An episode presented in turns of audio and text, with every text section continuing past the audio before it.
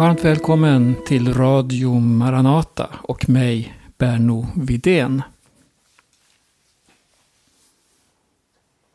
Jo, jag är kvar här.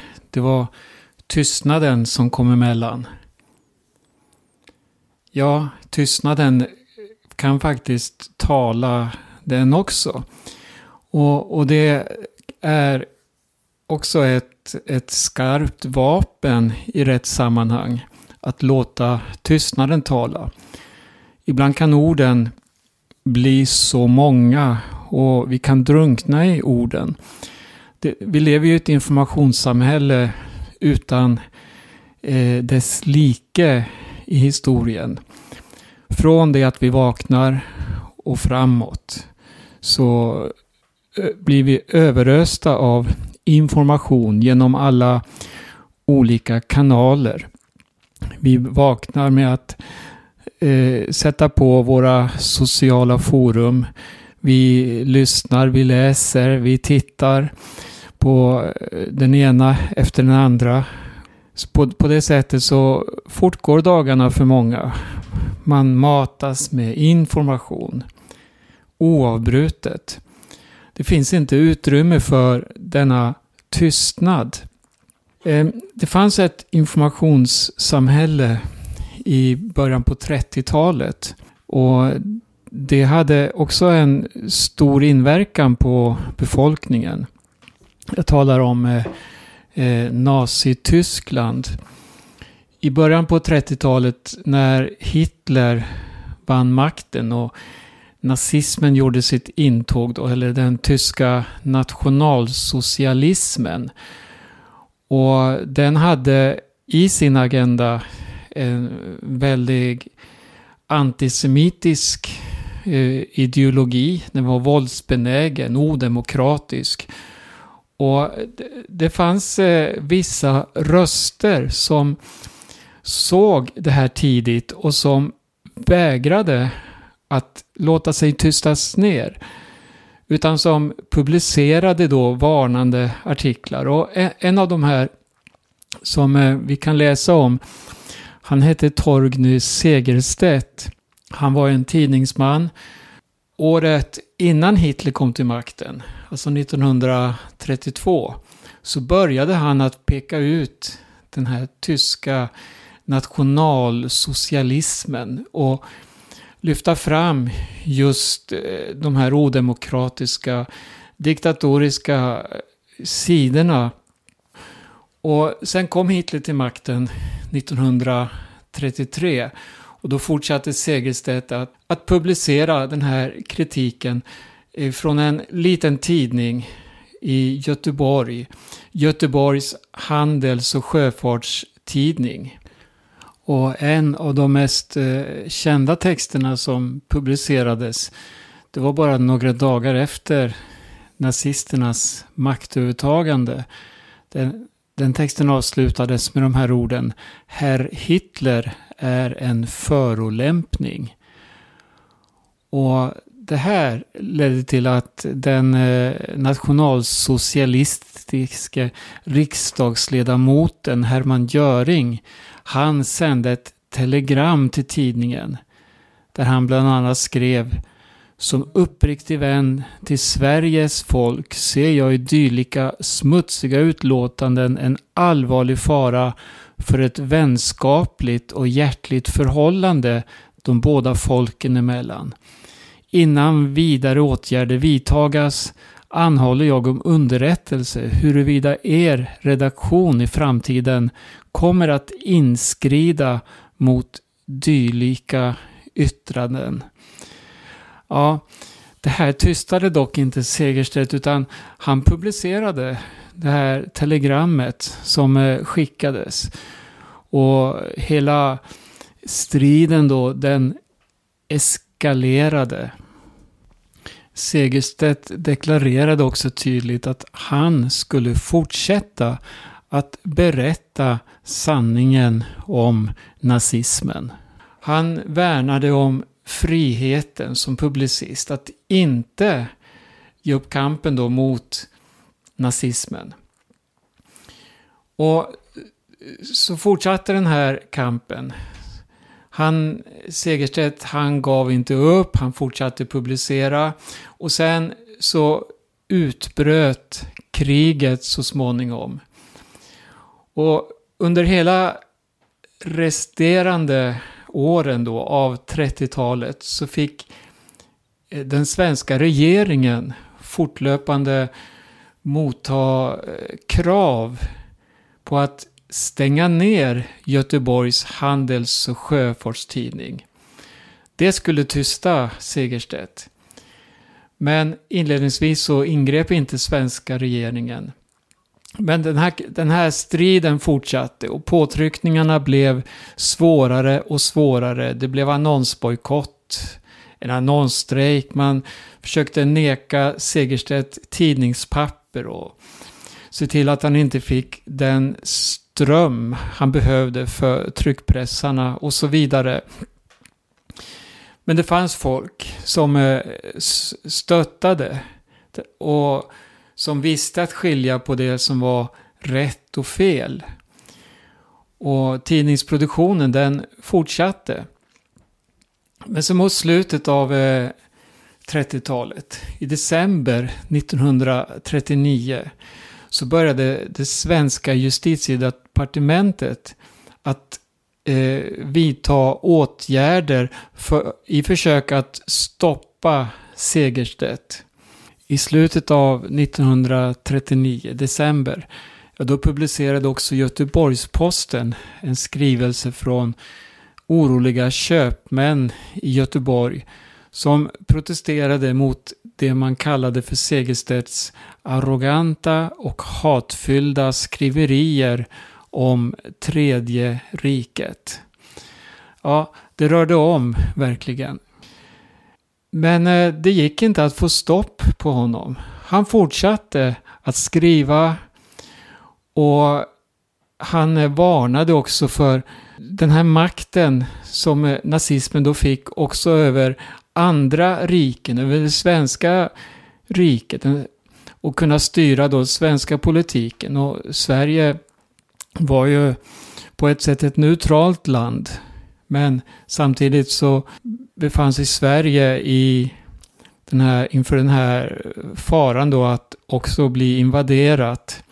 Och man eh, tog sig fram eh, genom att eh, ja, så neutralt man kunde då kunna balansera på de olika sidorna. Segerstedts eh, tidning den blev allt mer känd och det gjorde att motståndsmän, eh, flyende judar och andra oliktänkande eh, sökte sig till Segerstedt för att berätta om sina erfarenheter i de områden som Tyskland hade ockuperat. Ja, det gick till och med så långt att Segerstedt han blev uppkallad till konungen, till Gustav den femte, som skulle tala Segerstedt till rätta och varna honom för vad hans skriverier utsatte det svenska riket för. Eh, det sägs också att affärsvärlden och dess främste företrädare Wallenberg eh, också försökte förmå Segerstedt att sluta kritisera det tyska tredje riket. Nu hittade svenska staten då, regeringen, en gammal paragraf som gjorde att man hade rätt att beslagta tidningar som kunde missförstås av främmande makt. Och man började helt enkelt beslagta Göteborgs handels och sjöfartstidning. Och det här hände åtta gånger. Tidningarna beslagstog så fort de blivit tryckta. De hann alltså inte lämna tryckeriet. Men då fortsatte Segerstedt. Han svarade med att sätta rubriker. Exempelvis i norska fängelser och koncentrationsläger en rubrik och sen var sidan blank. Alltså det var en tom text där då artikeln skulle ha varit. Och rubrikerna som eh, Segerstedt satte, de var inte tillräckliga för att beslagta tidningarna. Och nu förstod läsarna att här skulle sanningen ha stått. Man visste, det finns en sanning, men den får inte spridas, den får inte tryckas. Och på det här sättet så talade tystnaden oerhört och den talar ända in i våra dagar. En av de som satt djupast intryck i kampen mot nazismen, det är just dessa tomma, blanka sidor. Denna tystnad som skrek ut, som ropade ut protester mot förtrycket, protester mot förföljelsen, mot nazismen. Och på det här sättet så är tystnaden väldigt talande. Den här historiska händelsen som jag i korthet nu då har berättat, den är så typisk. Den återkommer i olika skepnader gång efter annan. Eh, inte minst när det handlar om det kristna budskapet. Det är så vanligt idag att den som vill hävda att kristendomen, Bibelns budskap, alltså budskapet om Jesus, det som talar om frälsning, det som talar om omvändelse, att göra bättring, att vända om till Gud och att lämna då det här världsliga.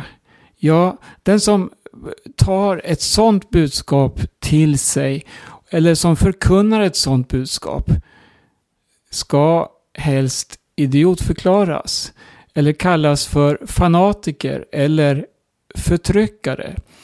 För då man påstår att en människa behöver vända om eller att en människa är en syndare som eh, behöver få möta Gud.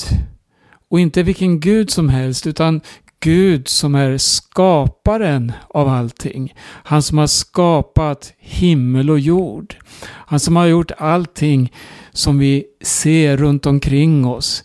Vi tittar på naturen, vi ser skapelsen och denna oerhörda eh, planet egentligen där människan är satt. Och den som lyfter fram då att det här är ett verk utav Gud. Den personen idiotförklaras och den personen ska helst tystas ner. Ett sånt här tydligt eh, sammanhang det, det, är det vi har i, i eh, första Moseboks första kapitel. Bibelns inledande kapitel. Det skildrar som vi sa här då, hur Gud skapade himmel, jord och allt som där finns. Och som kronan på verket beskrivs där hur människan skapades. Och här är det som att Gud på ett sätt närmar sig i hela sin gudom inför denna händelse. Då står det så här. Låt oss göra. Alltså här möter vi Gud Fader, Gud Son, Gud Helig Ande. Hela treenigheten manifesterar sig här för första gången i den bibliska historien. Och det är i det ögonblick då människan skapas. Då står det så här. Låt oss göra människor till vår avbild lika oss. Och Gud, han skapade människan till sin avbild. Till Guds avbild skapade han henne. Till man och kvinna skapade han dem. Ja, människans skapelse, det var ingen slump utan en del av Guds eviga plan. Och jag skulle vilja gå så långt och påstå att hela den övriga skapelsen kom till just för människan. Ty därigenom så skulle den djupt innerliga gemenskap som finns mellan Gud Fadern och hans son Jesus Kristus spridas vidare och omfatta människan. Vilken skulle bli det speciellt utvalda redskapet för spridandet av Guds kärlek, rättfärdighet över hela jorden. Eller som Paulus skriver till församlingen i Efesus, det första kapitlet. Välsignad är vår Herre Jesu Kristi Gud och Far, som i Kristus har välsignat oss med all andlig välsignelse i himlen. Han har utvalt oss i honom före världens skapelse till att vara heliga och fläckfria inför honom.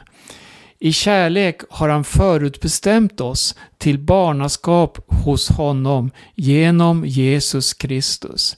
Efter sin goda viljas beslut till ära och pris för den nåd som han har skänkt oss i den älskade. Och vi ser här, människan hon skapades med ett högre syfte än den övriga skapelsen. Den är ju lagd under förgängelse. Men i människan står det att Gud blåste in livsande i henne. Alltså Guds egen eviga ande. Människan är tänkt att leva i en evig, obruten Guds gemenskap. Och att det har möjliggjorts, det är också oerhört, trots syndafallet. Här har vi den stora hemligheten som fanns hos Gud genom att Jesus blev människa och bar all vår synd i sin kropp upp på Golgata kors. Paulus fortsätter skriva så här.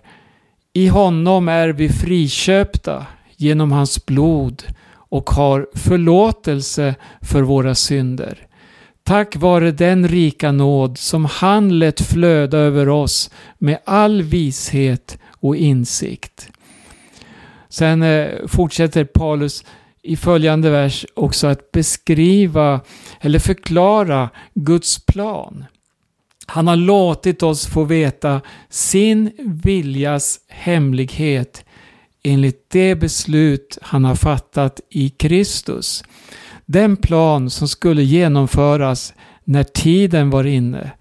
Att sammanfatta allt i himlen och på jorden. Något som återkommer genomgående i skriften. Det är människans identitet som man och kvinna i såväl gamla som nya testamentet.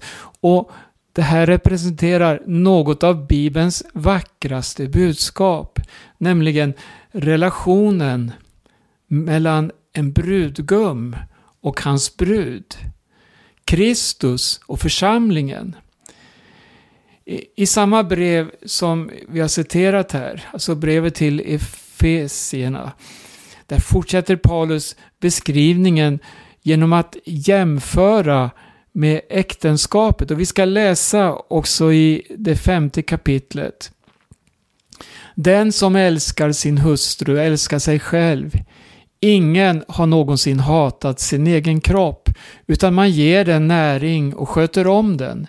Så gör också Kristus med församlingen, eftersom vi, del, förlåt, är, eftersom vi är delar i hans kropp. Därför ska en man lämna sin far och sin mor och hålla sig till sin hustru. Och de två ska bli ett kött. Denna hemlighet är stor.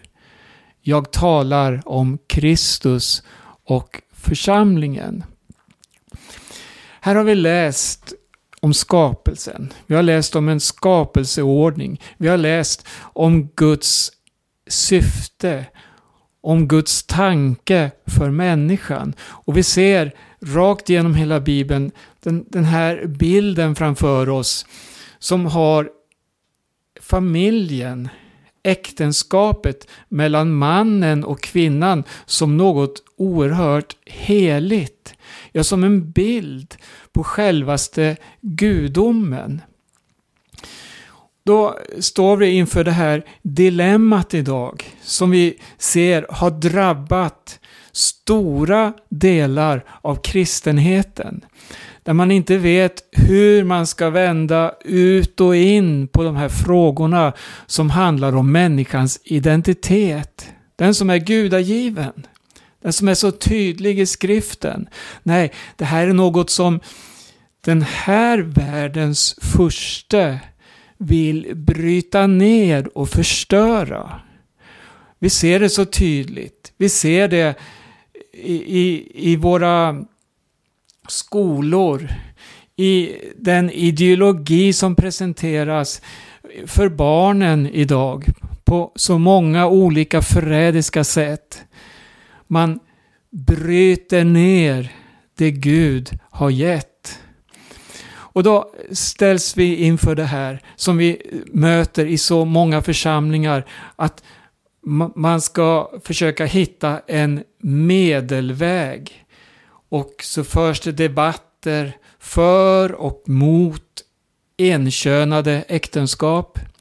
Ja, Bibeln är tydlig, men tyvärr finns det ett sånt liberalt inflytande över de teologiska utbildningarna idag så att många pastorer som kommer till sina församlingar är totalt, vad ska vi säga, vilsna i de här frågorna.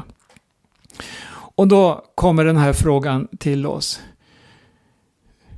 Vi uppmanas att debattera. Vi uppmanas att föra samtal. Vi uppmanas att ha en dialog kring de här frågorna. Hela mitt inre protesterar. Då tänker jag så här. Vad är det som säger att vi ska gå ut och ge oss in i den här debatten med alla våra ord, alla våra argument, allt för och emot? Nej, vår uppgift det är att förklara förkunna Kristus för människorna. Att förkunna den plan som Gud har för mänskligheten, nämligen vänd om bli frälst, gör bättring. Och det här är ett budskap till alla människor. Det finns ingen bättre, det finns ingen sämre, det finns inga nivåskillnader, utan Bibeln gör klart och tydligt alla har syndat och saknar härligheten från Gud. Alla behöver vända om och böja sig mot sina egna lustar, mot sina egna drifter, mot det eh, syndens begär som finns inom människan. Förkunna ordet, förkunna omvändelsen. Och det här kommer vi till det som jag inledde i det här programmet. Vi läste om en, en frihetskämpe som, ja han stod fast och bekämpade nazismen genom tystnad. Han publicerade tomma sidor. Alla visste, här skulle sanningen ha publicerats. Och många sökte därigenom sanningen. På liknande sätt, stå upp för Jesus. Men ge dig inte in i de här ordrika debatterna. Nej, stå där. Lyft din hand. Håll upp skriften. Du behöver inte förklara hit eller dit. Nej, evangeliet talar för sig själv. Guds ord är så tydligt. Och vi behöver bli fyllda av Guds ande. Det, det, finns, det finns sammanhang i skriften som, som ger stöd för vilken oerhörd makt det är i tystnaden. Jag tänker på ett tillfälle när profeten Elias Han hade varit med om eh, väldiga segrar för Guds rike. Han stod ensam mot Bals alla profeter. Och där skedde en uppgörelse mot synden, mot avfallet. Men Elias stod där fast. Sen efter den här dagen så fick han fly. Han blev ett föremål som man med all kraft skulle undanröja. Och han flyr för sitt liv. Han vandrar dag efter dag bort till Guds berg. Och där sker något oerhört. Han kom fram till berget Horeb. Då gick han in i en grotta och där han stannade över natten. Då kom Herrens ord till honom som sa Vad gör du här Elia? Och Elia han beklagar sig över avfallet. Han beklagar sig över lidandet och hur Guds altaren rivs ner och hur Herrens profeter dödas med svärd och hur han ensam är kvar och hur de försöker att ta hans liv. Då säger Gud, gå och ställ dig på berget inför Herren. Och Herren gick fram där och så står det en stor stark storm som ryckte loss berg och bröt sönder klippor gick före Herren. Men Herren var inte i stormen. Efter stormen kom en jordbävning, men Herren var inte i jordbävningen.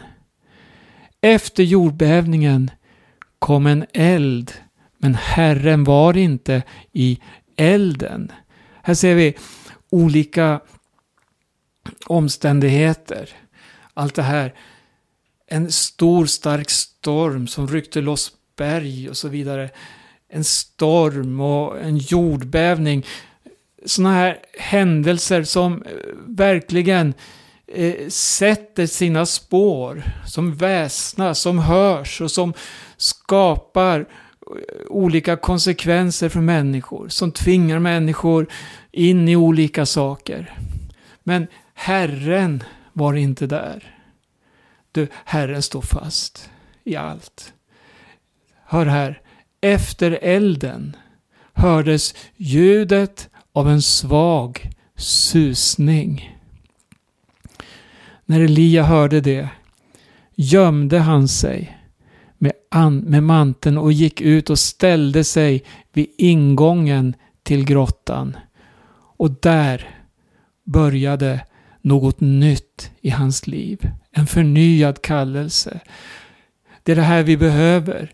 Vi behöver inte äh, göra röst varken för eller emot allt som äger rum i tiden. Nej, vi behöver träda närmre Herren och låta tystnaden tala.